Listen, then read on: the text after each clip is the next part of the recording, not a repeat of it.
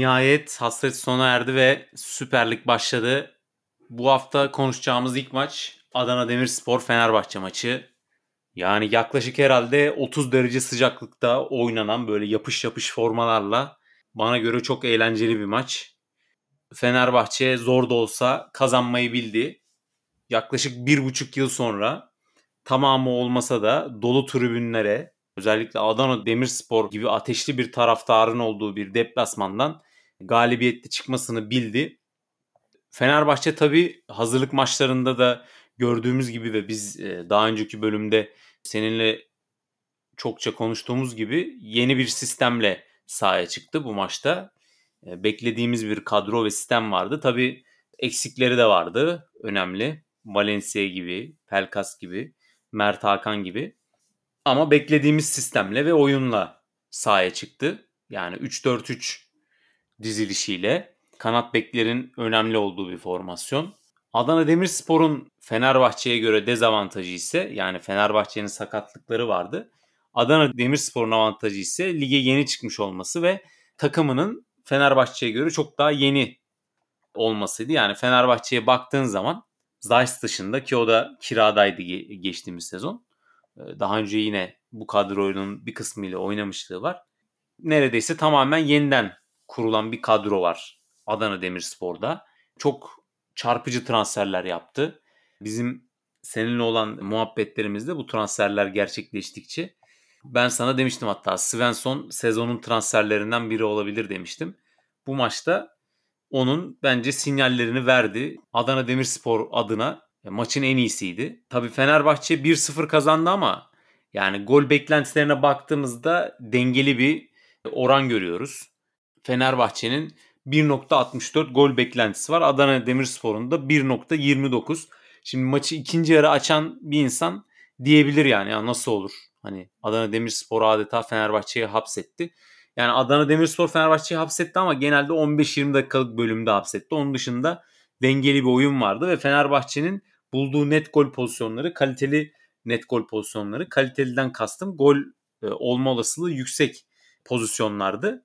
Ama tabii akan oyunda Adana Spor bir tık daha öndeydi. Yani ortalamaya vurduğumuzda diyebiliriz. Akan oyunda çünkü gol beklentisine baktığımızda 0.99'u görüyoruz Adana Demirspor için. Fenerbahçe için de 0.76. Yani iki takım da birbirine çok bariz üstünlük sağladı diyemeyiz hiçbir şeyde. Ama Fenerbahçe'ye biraz da şans yardım etti. Hızlı hücum kartını kullandı Fenerbahçe golde ve daha sonra zor da olsa Altay'ın muhteşem performansıyla o skoru da koruyabildi. Diyeyim ve senin görüşlerini sorayım. Yani maç başlamadan önce Adana Demirspor'un kadrosu açıklandı. Herhalde yeni transferlerin zaten birçoğunu bekliyordun sen de ilk 11'de olmasını. Nasıl bir oyun bekliyordun? Yani bu oyununa şaşırdın mı? Hani e, Fenerbahçe'ye karşı geri çekilmeden birinci bölgede klasik alıştığımız Anadolu takımı savunması yapmadan savaşacak bir Adana Demirspor bekliyor muydun? Oyun tarzına şaşırdın mı? Sana sürpriz olan oyuncu performansları var mıydı? Bunları merak ediyorum. Yapılan transferlerden dolayı aslında yeni kurulmuş bir kadro. Yani geçen seneye bakıldığında ilk 11'inde çok ciddi değişiklikler var. Yani stoper ikilisi aynı kaldı. Onun dışında orta sahadaki Sinan ve Gökhan İnler dışında da orta sahada birçok değişiklik vardı. Forvet hattında ise e, geçen seneden kalan Padipba ve Ezeh dışında geri kalan diğer isimlerin çoğunluğu hep yeni transfer. İlk 11'e bakacak olursak da zaten transferlerin çoğu ilk 11'deydi. İşte Belhanda, Balotelli, Lucas Castro, Akşintola gibi isimler hep ilk 11'deydi.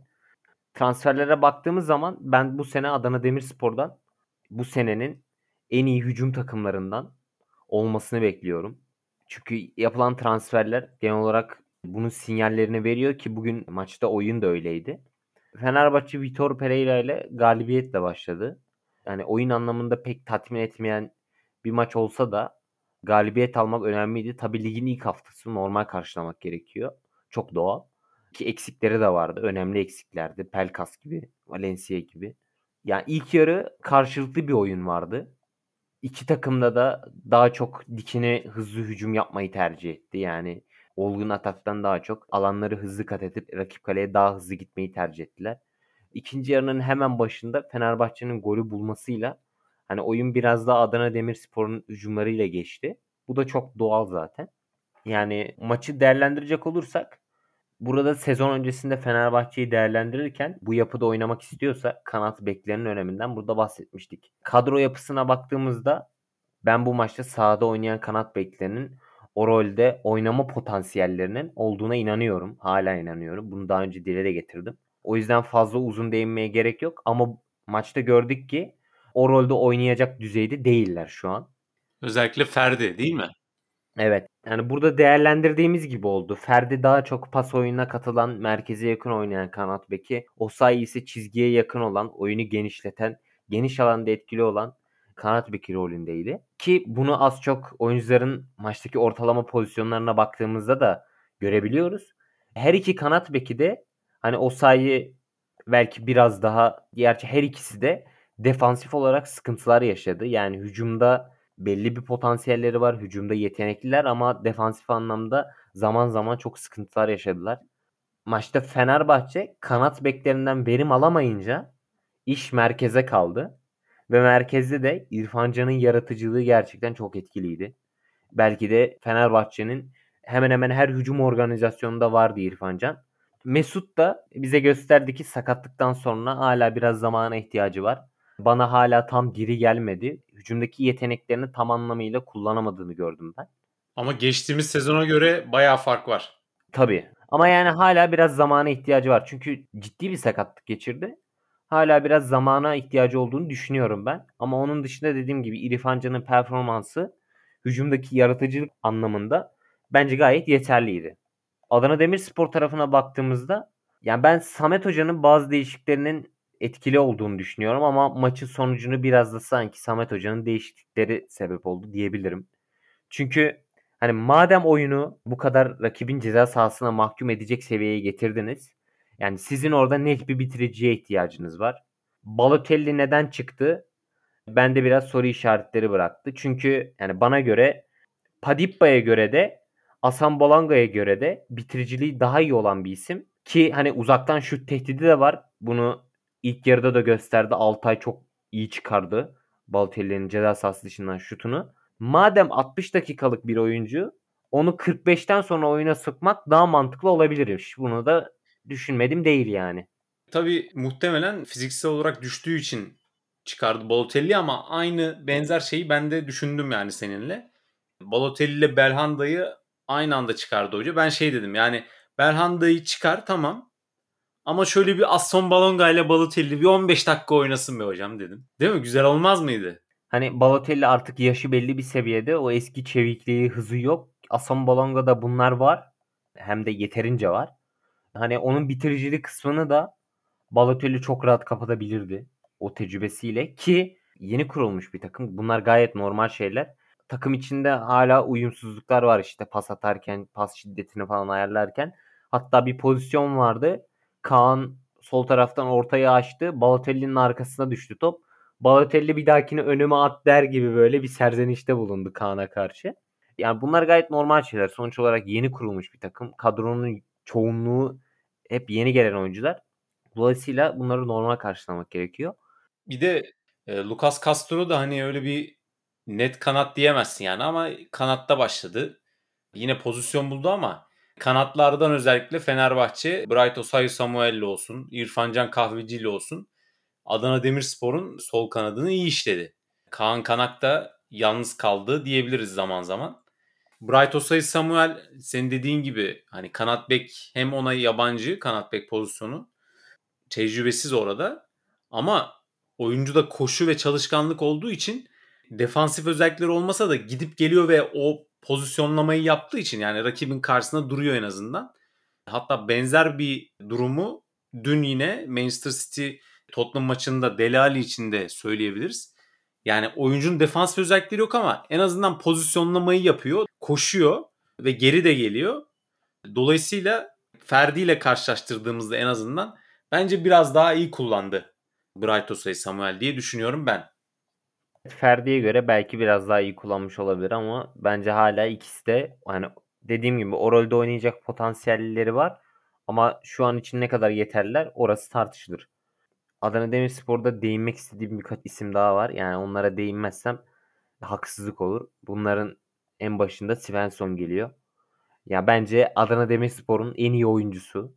Yani buna Balotelli'si de dahil, Belhanda'sı da dahil. Şu an kadroda bulunan ve gelebilecek isimler de dahil olmak üzere bence en iyi oyuncusu. Çünkü herkesten çok daha diri, oyun disiplinini asla bırakmayan, atletizmi belli seviyede, temposu yeterli düzeyde, oyunu çok iyi okuyor, hep doğru kararlar veriyor. Sağ bek olmasına rağmen sol ayağını da zaman zaman kullanıyor ki etkili kullandı. Bu maçta da gördük.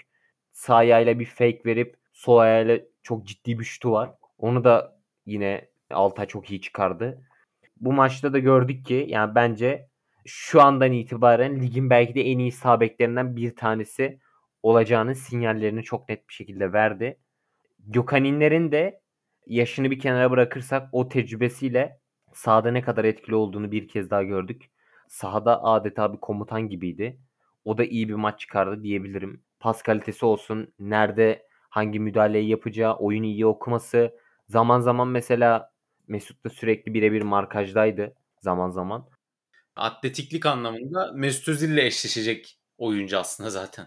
Ama şey bir 2-3 pozisyonda böyle uzaktan vurdu ya onları biraz bence çarçur etti. Yani o orada daha iyi kullanabilirdi top. Evet sana katılıyorum ama onun dışında yani yani bir kaptan nasıl olması gerekiyorsa tam o şekilde oldu diyebilirim. Yani zaten çok tecrübeli bir isim. Yani Adana Demirspor'un biraz zamana ihtiyacı var. Tıpkı Fenerbahçe'de olduğu gibi. Takım birbirine uyduktan sonra, aralarındaki kimya arttıktan sonra ben geçen seneki Alanya Spor ve Hatay Spor performansın tarzında bir performans bekliyorum Adana Demirspor'dan hücum anlamında.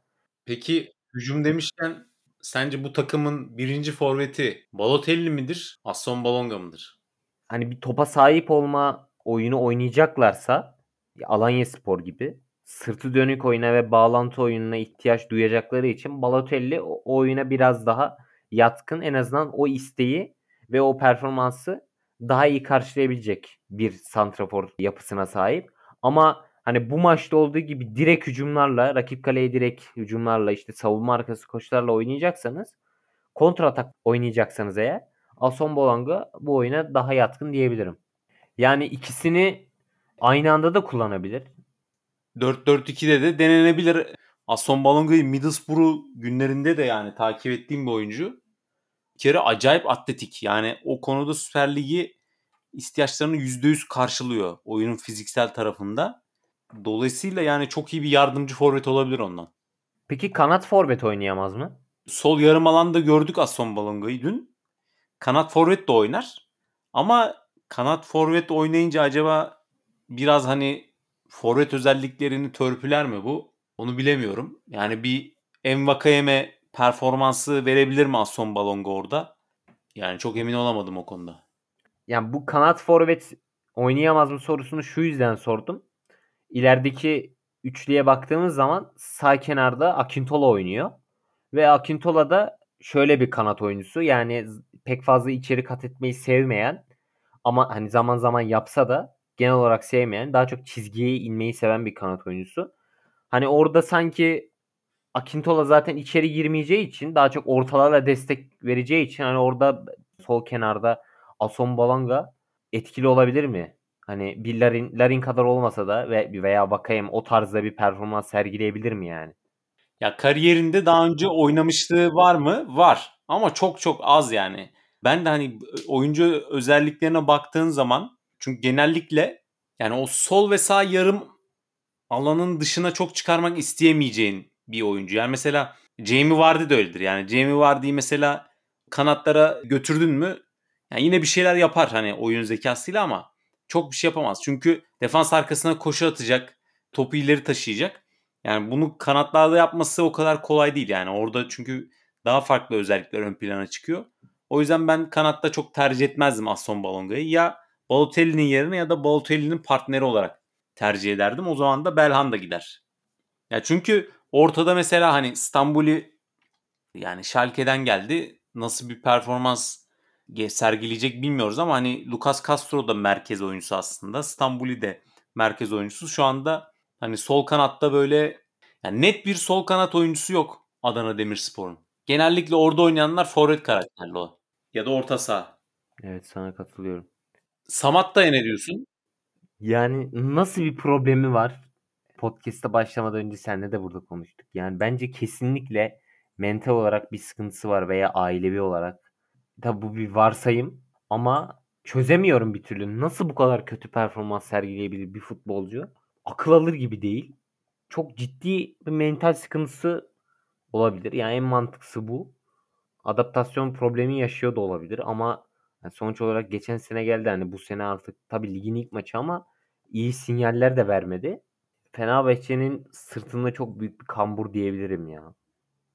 Ki mesela yerine giren Serdar Dursun bence çok daha iyi oynadı. Çok zeki olduğunu gösterdi bir kere. Yani oyun zekası orada topu tutmak yerine direkt e, İrfan'a oynaması, duvar olması muhteşem yani. Orada attığı pas basit ama düşüncesi bir kere futbol anlamında çok yüksek IQ'lu bir düşünce. Yani çok daha etkili oynadı. Bir kere Samatta'dan daha çok oyuna katkı sağladı. Daha çok oyuna girdi. Zaten az önce konuştuk. Ya o attığı tek pas, direkt tek dokunuş yani neredeyse golü getirdi yani. Ona da buradan geçmiş olsun. Köprücük kemiği kırılmış. Talihsiz bir sakatlık.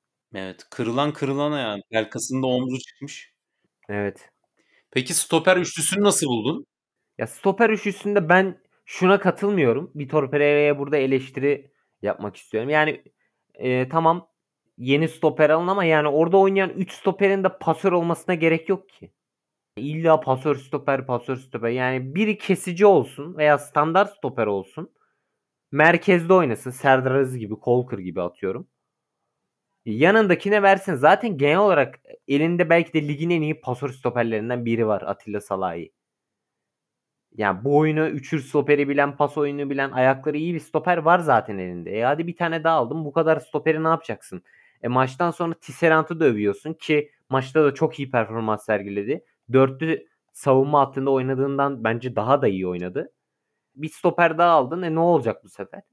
Atilla ile ikisi 8 tane kafa topu almış yani. Tisserant da çok başarılıydı.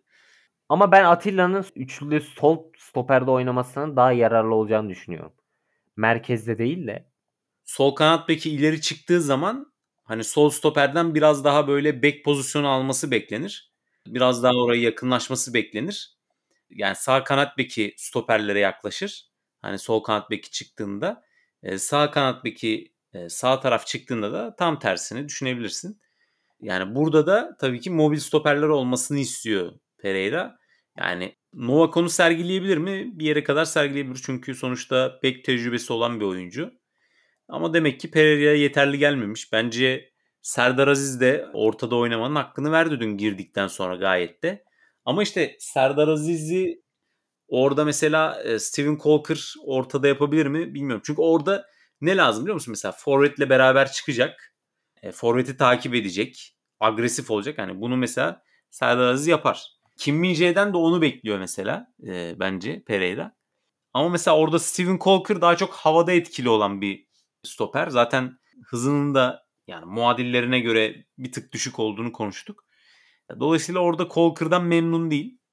Colker bu sistemin oyuncusu çok değil. Ama bence faydalı olabilecek bir oyuncu Colker. Ha, bu yabancı sınırında lüks müdür? Bence de lükstür. Salahi, Tisserand, Kim Min-jae üçlüsüne de tabi olursa da kimse hayır demez yani. Ama genel anlamında ben stoper hattını beğendim. Özellikle Atilla ve Tisserand'ı çok etkili buldum. Tisserand geçen seneye göre daha toplu, daha etkili bir performans sergiledi. Atilla zaten standart olduğu yerden devam ediyor iyi performansına. Nazar değmesin. Yani Fenerbahçe'nin de biraz zamana ihtiyacı var diyebilirim. Yani sana da Ozan Tufan oyuna girdiğinde böyle vücut dili düşük geldi mi? Yani ben biraz bunun Caner Erkin'in kadro dışı bırakılmasıyla alakalı olduğunu düşünüyorum. Çünkü hazırlık maçlarındaki görüntüleri de çok umut vermiyordu yani. Hep düşük bir suratla gördüm ben onu. Ya biraz bunun Caner'le alakası var diye düşünüyorum ben. Ne dersin? Ya da bu tavrı hani Ozan'a mı zarar verir yoksa Fenerbahçe'ye mi zarar verir? Ne diyorsun? Her ikisine de zararı olur. Ozan yedek kulübesinde oturmaya devam eder. Fenerbahçe'de belki de dörtlü orta sahada ikili merkez orta sahadan en iyisini kaybeder yani. Olacak şey bu. Yani çünkü Ozan'ın bir muadili yok. Fenerbahçe'de de Türkiye'de de yok. İyi bir Ozan mı? İyi bir Miha Zayis mı desen? İyi bir Ozan derim yani mesela. Ben de iyi bir Ozan derim. Çünkü her anlamda daha iyi Zayt'tan. Yani takım içindeki o hiyerarşi bozulduğu zaman bu, bu tarz şeylerin olması çok normal. Sonuç olarak yıllardır birlikte oynadığı bir abisi, arkadaşı kadro dışı kalıyor. Bunun etkisinde kalmış olabilir. Ama ya onun mutsuzluğu belki de diğer kalan Türk futbolcuları da etkileyebilir. Bilemeyiz onu. Yani nasıl Caner'in gidişi, kadro dışı kalışı Ozan'ı etkiliyorsa Ozan'ın o mutsuzluğu diğer Türk futbolcuları da etkileyebilir. Bu, bu tabii bir varsayım. Ama yani Ozan'ın bu durumu hiç iyi alamet değil. Çünkü yani dediğim gibi böyle devam ederse yedek oturmaya devam eder. Fenerbahçe'de çok önemli bir futbolcusunu kaybeder. Başka bir bana ilginç gelen husus Mesut Özil'in kaptan çıkması. Yani bu sene başında gelmiş bir oyuncu 6 ayda kaptan oluyor yani hani hazırlık sürecini saymazsak. Tamam hani yıldız oyuncu yani birçok da dil biliyordur. Yani İspanyolca biliyordur. Yani Real Madrid'de oynadı. Almanca zaten doğuştan. Türkçe doğuştan. İngilizceyi de Premier Lig'de öğrenmiştir. Yani iletişim olarak şey olabilir ama ben çok Mesut Özil'in liderlik özelliklerinin ön planda olduğunu düşünmüyorum. Orada mesela daha lider olmaya yatkın oyuncular var. Hani Altay olsun, Gustavo olsun. Bence Özil kaptan olmaya ilk aday değildi. Sen ne dersin? Sana katılıyorum. Mesut Özil'de öyle hani liderlik vasfı pek yok. Ya da oyuncuyu motive etmek için mi yaptılar acaba? Ya motive için olmuş olabilir. Ama hani dediğim gibi liderlik vasfı yok. Kaptanlık bazı bandı öyle herhangi bir kaptanlık diyebileceğiniz bir şey değil. Sonuç olarak sahanın içinde bir lider gerekiyor. Oyuncuları motive etmesi gerekiyor. Düşen oyuncuları toparlaması gerekiyor. Önemli bir rol. Yani Mesut'ta pek bunlar yok.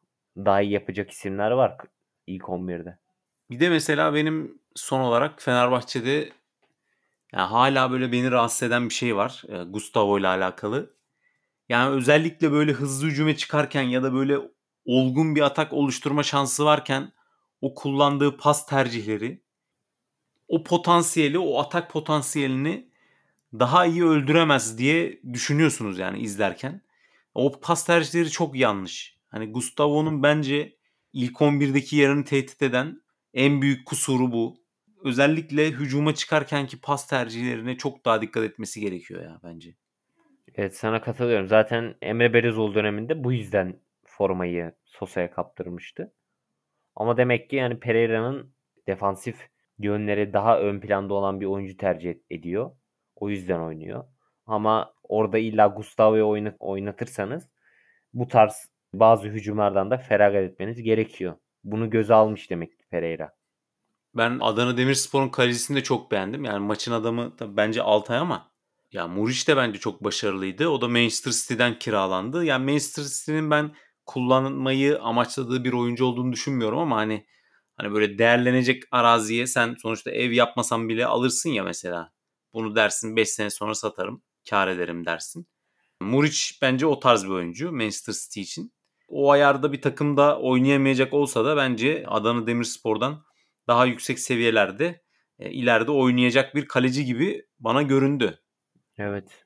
Ya ayakları biraz sıkıntılı gibi gözüktü ama onun dışında yaşı da öyle hani şey değil. Genç sayılabilecek yaşlarda. Dolayısıyla bir de hani ilk defa Türkiye'ye geliyor. İlk maçı bence yeterli bir performans sergiledi. Adana Demirspor mesela bayağı klasik. Hani İstanbul takımlarının oynadığı 4-2-3-1 oyununu e, dinamik bir şekilde hakkını vererek oynadı. Yani sence bu idealist yaklaşım deplasmanda da e, Samet Aybaba'nın stratejisi olmalı mı? Yoksa biraz daha pragmatist mi düşünmeli yani Samet Aybaba? Yani bence olmalı çünkü yani ligimizdeki her Anadolu takımı deplasmana gidince hep aynı oyunu oynuyor. Ya bunun işte bazı istisnaları var. Alanya, Hatay gibi. En azından farklı şeyler deneyen takımlar var. Ben bunun olmasını daha çok istiyorum. Farklı şeyler denenmesini, daha çok hücum futbolu oynanmasını daha çok istiyorum. Çünkü hani sıkılıyor insan belli bir dakikadan sonra izlerken. Yani sürekli aynı şey oluyor. Bir taraf yükleniyor, yükleniyor, yükleniyor. Öbür taraf kontrada bekliyor. Hadi hurra kontraya çıkıyor. Yani bu oyundan artık ben sıkıldım şahsen bir izleyici olarak.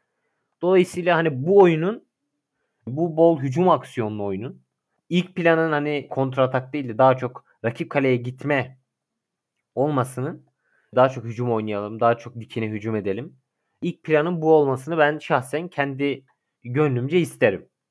Ama Samet Aybaba belki de Kayseri'de falan teknik direktörlük yaptığında da bunu kullanıyordu. Daha çok kontratak futbolu oynatıyordu deplasmanlarda. Ama şu an elinde daha güçlü bir kadro var.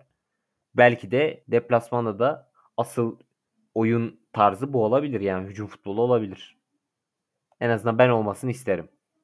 Diyelim ve Kuzey Londra'ya gidelim burada ülkemizden. Kuzey Londra'da Tottenham Manchester City maçı vardı. Her iki takım için de önemli bir maçtı. Sezonun ilk önemli derbisi değil mi? Evet, hem sezonun ilk önemli derbisi hem de bir tarafta son şampiyon güçlü bir başlangıç yapmak isteyecektir. Öbür tarafta da transferler dolayısıyla Harry Kane dedikodularıyla ve yeni teknik direktörüyle iyi bir başlangıç yapmak isteyen Tottenham vardı. Tottenham bundan önceki son 3 maçta olduğu gibi maçtan galibiyetle ayrıldı. O sahada City'nin yüzü bir türlü gülmüyor. Manchester City bildiğimiz ve alışa gelmiş oyun tarzıyla başladığını söyleyebilirim ben. İlk 15 dakikada rakip ceza sahası etrafında geçen bir oyun izledik. Ama 15. dakikadan sonra oyuna ortak olmakla birlikte ipleri eline alan bir Tottenham gördük. 15 ve 45. dakikalar arasında organize olmakta sıkıntılar çeken bir Manchester City gördük. İkinci yarının ilk 5 dakikasına gene City güzel başladı ama sonrasında Tottenham baskısı ve kazanılan bir top sonucunda Hümmingsson'un tamamen bence bireysel yeteneklerinden oluşan bir golle öne geçti. Gol sonrasında City yine zaman zaman organize olmakta sıkıntılar yaşadı bence. O, oyunun sürekliliğinde de hem ilk yarı hem de ikinci yarıda sıkıntılar yaşadı. Maçın son dakikasında Kevin De Bruyne'nin oyuna girdikten sonra City'den organize ataklar görmeye başladık ve bu sayede de Kevin De Bruyne'nin City için ne kadar önemli bir oyuncu olduğunu bir kez daha gördük. Ama maçın sonlarına doğru özellikle City ne zaman atağa kalksa sanki duvara çarpmış gibi geri dönüyorlardı. Yani Nuno Espirito Santo için çok iyi bir başlangıç oldu bence. Hani herhalde yapabileceği en iyi başlangıcı yaptı. Üstelik kendi taraftarının önünde. Evet. Ama hani bu performansı sezon boyunca devam ettirebilecek mi? Benim orada açıkçası biraz şüphelerim var. Çünkü zaten Tottenham Mourinho döneminde sahada oynanan oyuna benzer bir oyunla City'yi daha önce yenmişti. Yani bir de kulübün son dönemlerdeki yapısı gereği işte bulunduğu durumlardan dolayı ileride ben ciddi sıkıntılar yaşayabileceğini düşünüyorum. Guardiola'ya gelecek olursak ise hani bazı tercihleri sıkıntılıydı bence. Biraz anlamakta zorluk çektim ben. Tottenham gibi oyun planı çok netti ama Tottenham her şeyi neredeyse doğru yaptı. Hem hücumda hem savunmada işte rakibi karşılarken Deli Ali'yi sol iç gibi kullanıp Höyberg'i sağ iç gibi kullanıp Manchester City'nin sol tarafını böylece engellemeye çalışması falan. Tam anlamıyla oyun planı çok net belliydi Tottenham'ın. Guardiola'nın bence bek tercihleri sıkıntılıydı. Özellikle Mendy. Yani genel olarak biz Mendy'yi gördüğümüzde yani Mendy oynuyorsa önündeki oyuncudan içe kat etme bekliyoruz. Ki içe kat etsin ki önündeki oyuncu Mendy çizgiyi kullansın. Ama Mendy'nin önünde Sterling oynuyordu. Sağ kenarda da Mahrez oynuyordu. Bunları daha çok çizgiye yanaştırdı. Aralara da İlkay ve Grish'i sokmaya çalıştı. İleride öyle bir beşli hat kurmaya çalıştı. Bu ne kadar yararlı oldu tartışılır. Ki zararı da oldu bence. Ki golü de zaten Mendy'nin açığından yediler. Yani orada gol sağ kanattan geldi. Manchester solundan geldi. Maçla ilgili genel olarak ben bunları söyleyebilirim. Maç hakkında sen neler söyleyeceksin? Yani sondan hani senin söylediklerinin hani sondan başa gideyim. Ya ben o golde tamamen Mendy'de suç bulmuyorum. Orada baktığın zaman Cancelo da önde. Fernandinho da önde. Şimdi Fernandinho çok klas bir oyuncu. Çok elit bir oyuncu yaşına rağmen. Ama yavaşladı ve o mevkide oynamanın tam olarak Premier Lig'deki sorumluluklarını yerine getiremiyor bence. Guardiola aslında onu stoperde kullandığında hani yanında hızlı bir stoper olduğunda çok da iyi performans veriyordu. Yani defansif orta sahada da veriyor. Özellikle geriden oyun kurma bakımında. Top Manchester City'deyken müthiş bir 6 numara bir kere. Fernandinho. Ama kontratak karşılamada maalesef kusurları var. Tabii ki Guardiola bunu biliyor ama bu riski göze alıyor. Bir kere her taktiğin, her oyun anlayışının güçlü tarafları olduğu gibi zayıf tarafları da var. Yani Manchester City'nin klasik yine diz işleriyle oynadı. Önce 3-2-5 başladı. Cancelo biraz daha gerideydi. Mendy ileri çıktı. Sonra 2-3-5'e döndü. Bu sefer ne oldu? Hem Cancelo hem Mendy çıktı. Şimdi bunun avantajı ne? Fernandinho'yu bir kere çok rahat topla buluşturabilirsiniz. Tottenham savunmada özellikle ileri üçlüyü Tottenham'da 4-3-3 oynadı. Bence iyi de oynadı. Özellikle ikinci yarı. Çok derinde savunma yapmadı. Yani pres de yapmadı. Ama de, çok derinde de savunma yapmadı. Orta blokta karşıladı diyebiliriz rakibi. Tamamen yani Hüngmin Lucas Moura ve Bergwijn tamamen Fernandinho'ya pas geçitlerini kapatan yerlerde konumlandılar. Manchester City topla çıkarken. Şimdi hem Mendy hem Cancelo ileri olduğu zaman bu iki oyuncuyu da pivot olarak kullanıp hemen tek topla Fernandinho'yu topla buluşturabilirsiniz. Bu oyunun avantajı bu. Dezavantajı da kontra ataklar. Yani özellikle Lucas Moura ve Bergwijn kontra atak başlatma konusunda da müthişlerdi. Guardiola bunu göze aldı ve cezasını kesti yani Tottenham. Tam tersi de olabilirdi. Manchester City gol de atabilirdi. Taktik savaşları ve futbolun bilinmezliği ile alakalı bir durum. Hani çünkü Mendy yine koştu yani. Hani Mendy tembelliğinden koşmadı değil. Ama kısmen katılıyorum sana. Çünkü defansif özellikleri hücum özelliklerine göre daha zayıf bir oyuncu e, Mendy. Ama bunu Guardiola istedi. İkisinin de çıkmasını sonuçta hem Cancelo hem Mendy keyfi çıkmaz yani ileri. Ben o golü kısacası Manchester City'nin bu taktik anlayışına bağlıyorum. Gelelim genel oyuna. Yani maç sonu gol beklentilerine baktığımızda tamamen bulduğu gol fırsatlarını çarçur etmiş bir Manchester City görüyoruz skorla karşılaştırdığımızda. 2.01 gol beklentisi yakalamış. Tottenham 1.06. E, yani ilk yarıda mesela Manchester City 1.08, Tottenham 0.35. Yani ikinci yarı çok daha iyi oynadığını görüyoruz Tottenham'ın yükselmesinden. Fark çok daha fazla. Yani Tottenham'da da mesela Regulon çok ilerideydi. Yani orayı da bir nevi işlemek için Manchester City o kanadı da kullandı. Yani Manchester City'nin sağ kanadı da kullandı. Cancelo çünkü ilk başta dediğim gibi gerideydi. Baktılar Regulon çok iler, ileri çıkıyor. Onlar da orayı işlemeye çalıştılar. Tabi bu sefer de buna karşılık olarak Erik Dyer sola geldi. Skip iki stoperin arasına girdi. Boşluğu öyle kapattılar. Yani dediğim gibi bu hep biz taktik savaşı olarak gerçekleşti maç boyunca. Jack Grealish'i ben ilk maçına göre çok etkili buldum. Yani ilk resmi maçına göre.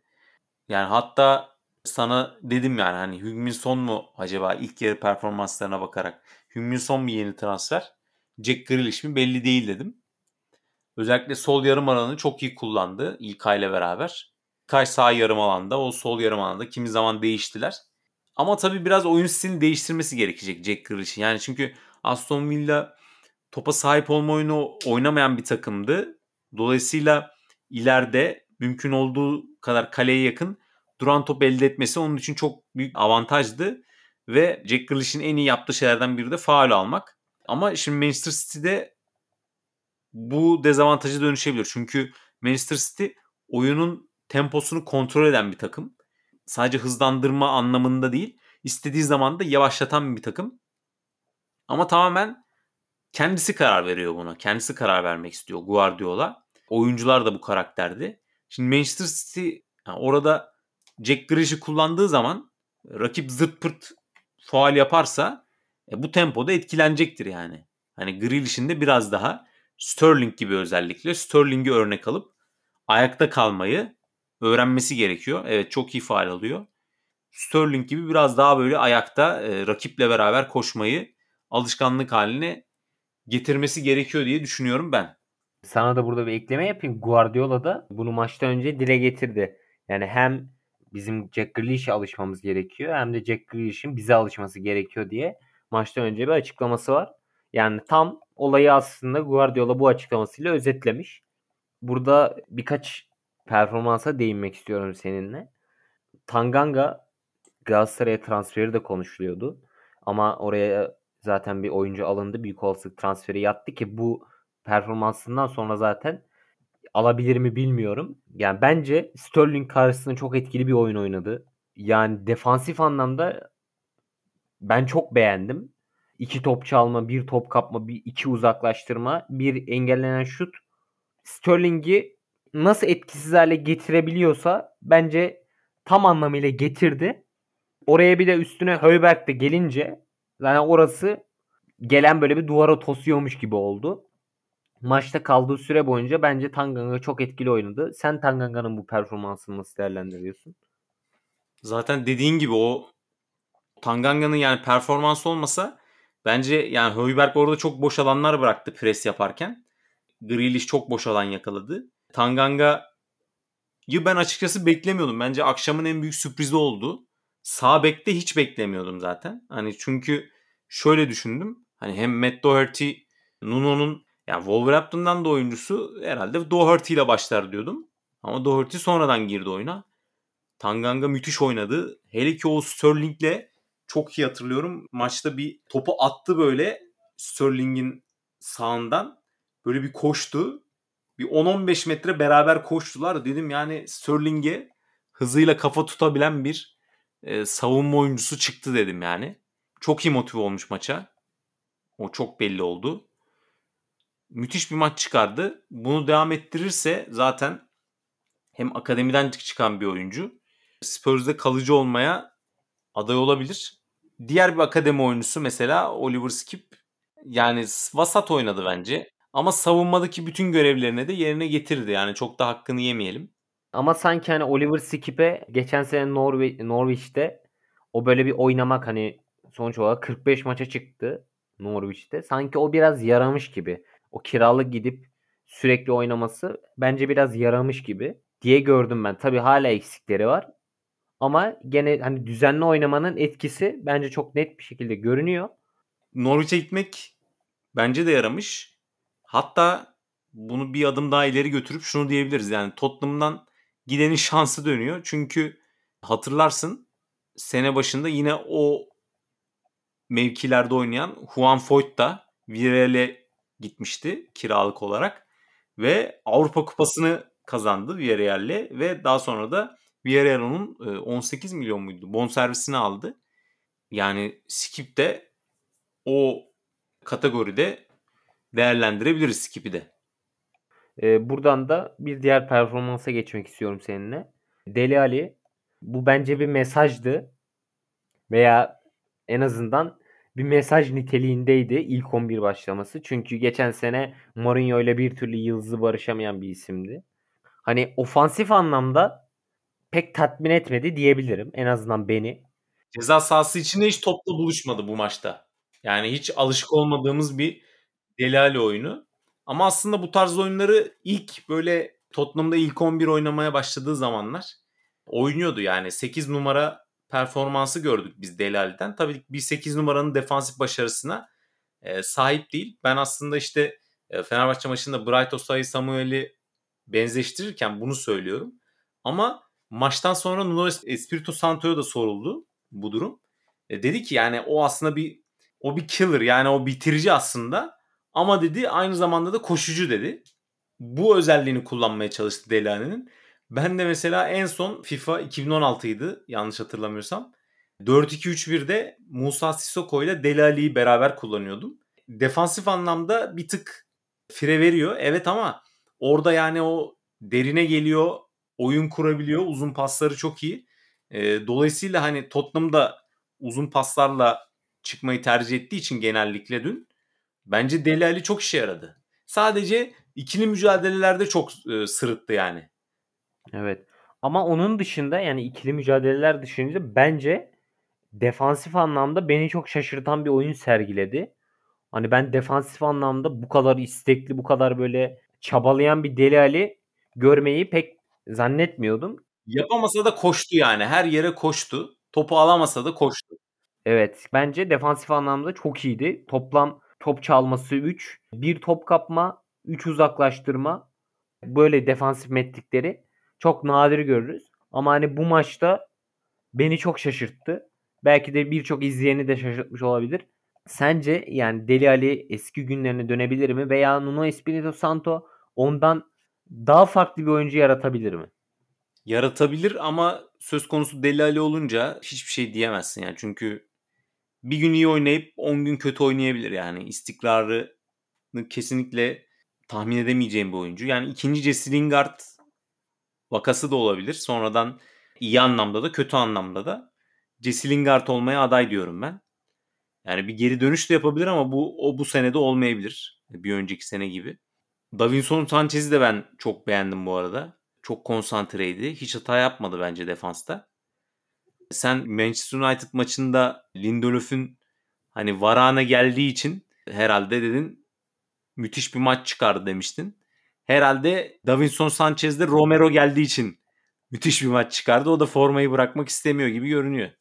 Yani evet. Bunun sinyallerini verdi. Aynı zamanda Lindelöf de vermişti. Asist falan yaptı böyle. Sanchez'de de bunun sinyallerini gördük.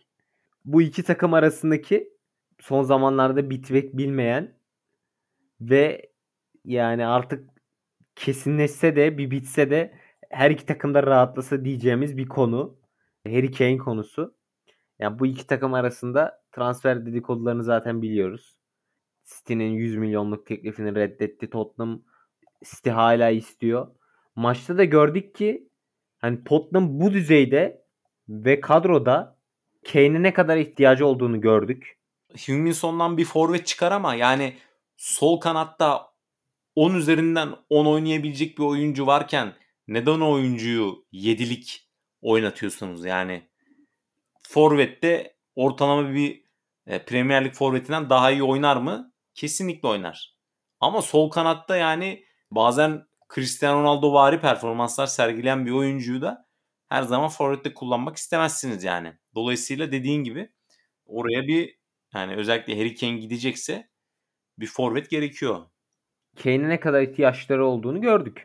City'ye baktığımızda da hani City'nin bence ne kadar net bir santrafor ihtiyacı olduğunu bu maçta gördük. Çünkü artık rakip takımlar o bu Guardiola'nın e, sahte dokuzlu oyununu çözmeye başladı ve buna çözüm yolları üretmeye başladılar.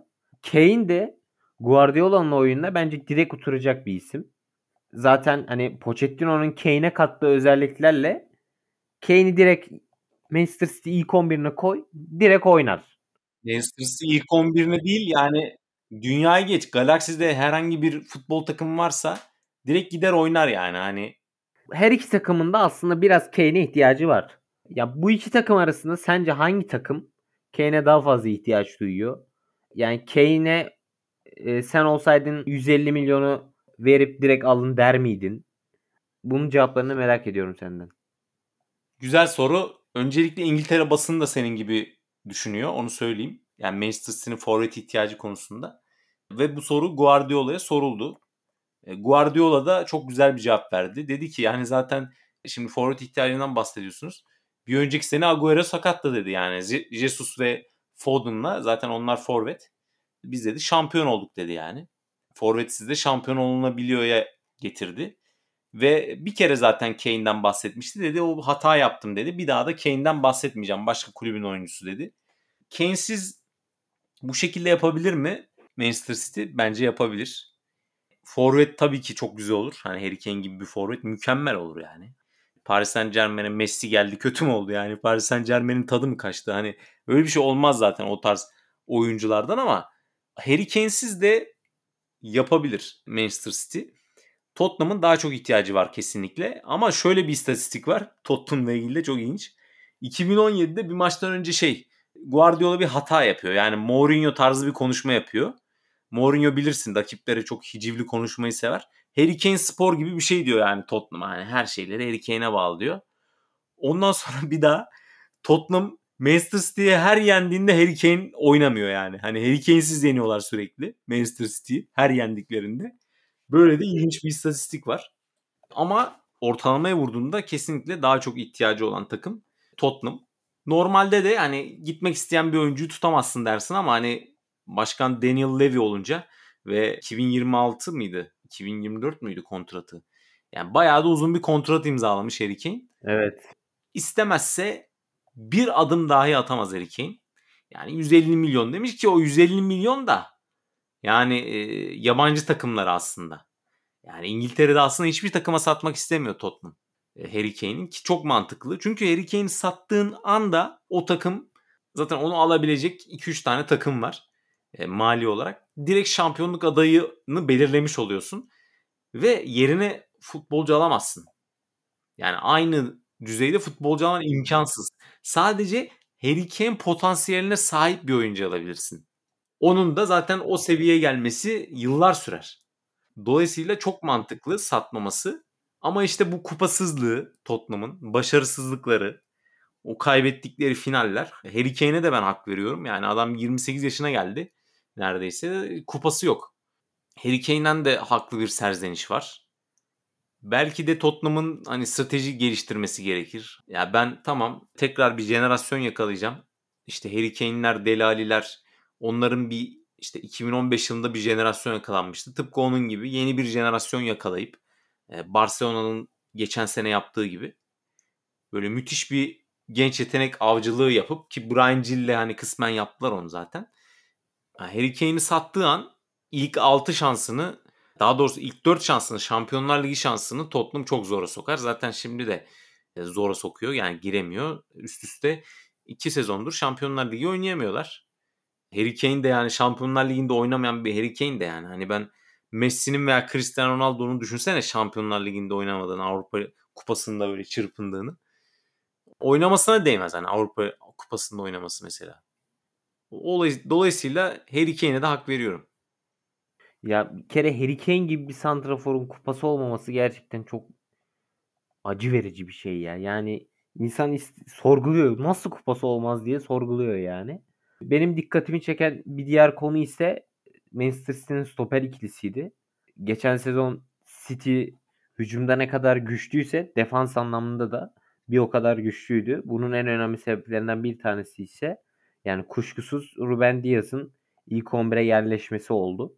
Yaşına göre çok olgun ve çok iyi bir stoper. Ama yanında oynayan Stones'la da çok iyi bir uyumu vardı. Ki o dönemde Stones da 3. veya 4. stoper gözüyle bakılıyordu yani. Ama bir anda Ruben Diaz'la ikisinin uyumu ile birlikte formayı kimseye vermediler. Bu maçta Ruben Diaz'ın yanında Nathan Ake'yi gördük. Ya bence fena bir performans sergilemedi. Yani yedeklerde de Laporte'un olduğunu biliyoruz. Stoper ikilisinde yani Manchester City'nin şu anki oyununa ve veya ilerideki oyununa bakacak olursak hangi stoper ikilisi daha etkili oluyor? Sen olsan Ruben Diaz Stones'la devam edersin yoksa Ake veya Laporte'dan bir tanesini ilk 11'e monte etmeyi düşünür müsün? Ya baktığın zaman Stones, Laporte ve Ruben Diaz biraz daha böyle seviye olarak benzer. Hani Ake biraz daha onların gerisinde kalıyor bence. Dolayısıyla üçü arasında gidip gelir. Ee, zaten Guardiola rotasyon yapmayı çok seven bir hoca. Dolayısıyla hepsi bence hakkaniyetli bir şekilde forma şansı bulur. Yani hepsi de bence uyumlu olur yani. Çünkü komple stoper hepsi. Uyum sorunu işte Ruben Dias'la Ake'yi oynatırsan olmaz veya Ake ile Stones oynatırsan olmaz diyemezsin. Yani o konuda da hakkını yememek lazım Guardiola'nın. Stones'la beraber İngiltere milli takımından dönen yani birçok oyuncusunu hani hazırlık maçlarında da zaten oynatamadı. Hani son anda döndü.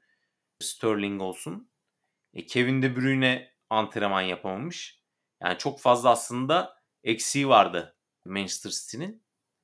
Tabi bu stoper rotasyonuna da yansıdı yani. Evet yani senin dediğin gibi de Guardiola rotasyon yapmayı çok seven bir isim.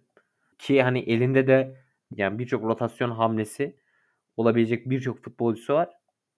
Bu rotasyon tercihleri de gayet normal. Çünkü elinde çok derin ve çok güçlü bir kadro var. Manchester City'nin sattığı isimlere bakıyorsun bu yaz transfer döneminde. Angelinho'yu Leipzig'e satmışlar 18 milyon euroya. Eric Garcia gitmiş bedelsiz. Agüero gitmiş bedelsiz. İkisi de Barcelona'ya. Ki bence Eric Garcia da stoper rotasyonunda değerli bir oyuncuydu. Jack Harrison Leeds United'a kalıcı olarak gitti. 12.8 milyon euro da bonservisle. E, Lucas Nimeka Wolfsburg'a gitti. 8 milyon euro.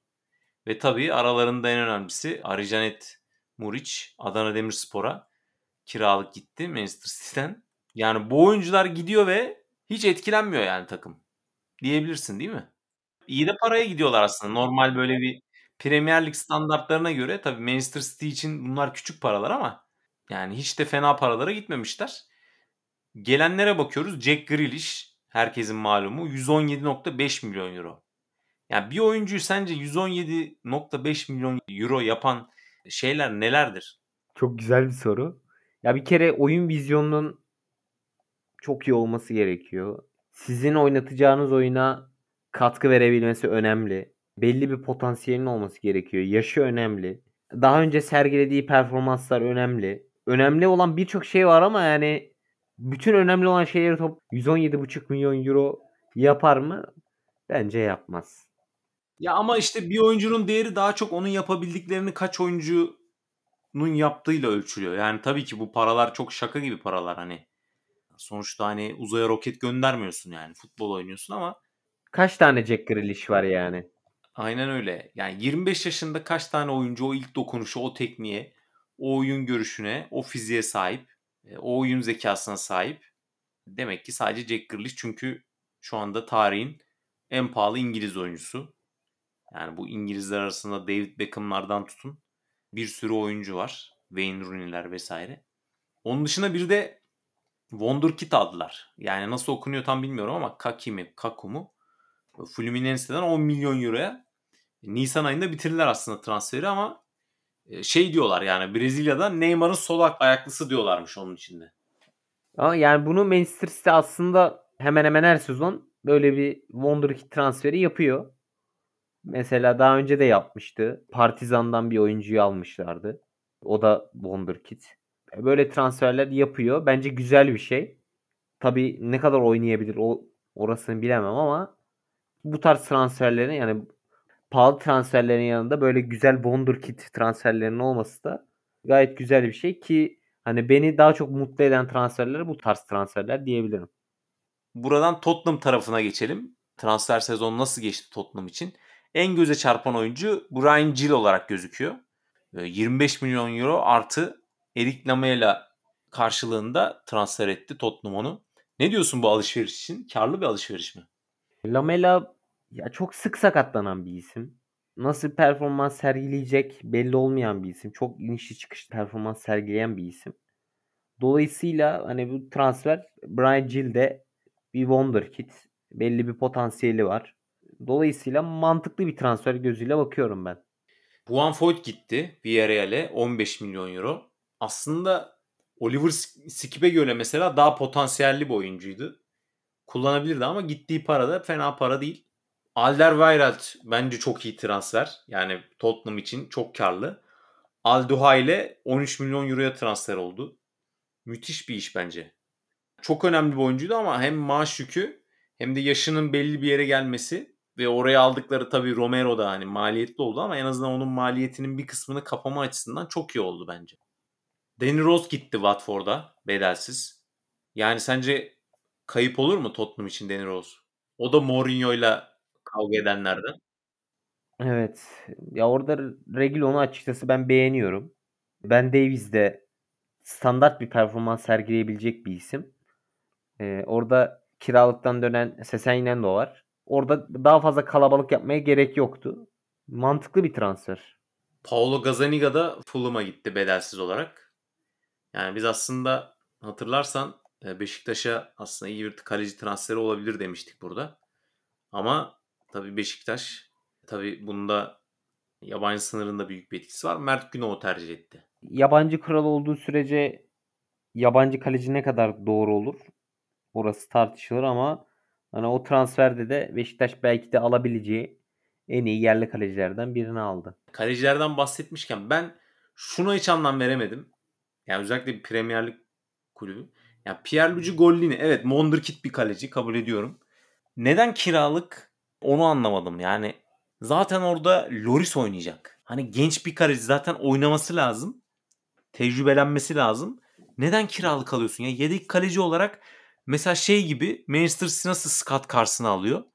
Eski Bursa Sporlu. E sen de öyle bir kaleci al yani. Ya da Chelsea'de mesela Caballero var. Sen de öyle bir tecrübeli bir kaleci var hani ma- maliyetsiz. Ben Gollini'yi hani anlamadım ama 15 milyon euro satın alma opsiyonu var. Yani satın alacaksa da bence Loris oynadığı sürece ki bence 40'a kadar yolu var. Gollini transferi bilmiyorum bana biraz gereksiz geldi ya. Yani aslında elinde de senin bahsettiğin gibi kaleci vardı Joe Hart. Evet ki onu da Celtic'e gönderdi. Yani kalede Loris olduğu sürece formayı alması imkansız yani. Loris sakatlanmadığı sürece yedek kulübesine oturmaya devam eder. Endombele de hiç görünmedi. Yani ne kadroda vardı. Ee, hazırlık maçlarında da forma giymedi. Tabii bu basın mensuplarının da ilgisini çekti. Sordular Nuno'ya. O da hani onun için doğru zamanın geldiğini düşünmediğimiz için bu maçlarda oynamadı diye bir açıklamada bulundu. Yani hazırlık maçında niye oynatmıyorsun? Hani acaba bir yere mi transfer olmak istiyor? Onun da bir herhalde bir transfer olasılığı var ama bilmiyorum sen bir şey duydun mu yani bu konuyla alakalı? Açıkçası ben duymadım ama hani benim Tottenham orta sahasında belki de en beğendiğim isim Endombele. Höybert'le ikisi daha doğrusu. Ama yani ben Endombele'nin oyun yapısını daha çok beğeniyorum. Ya belki de transfer olmak istiyor olabilir.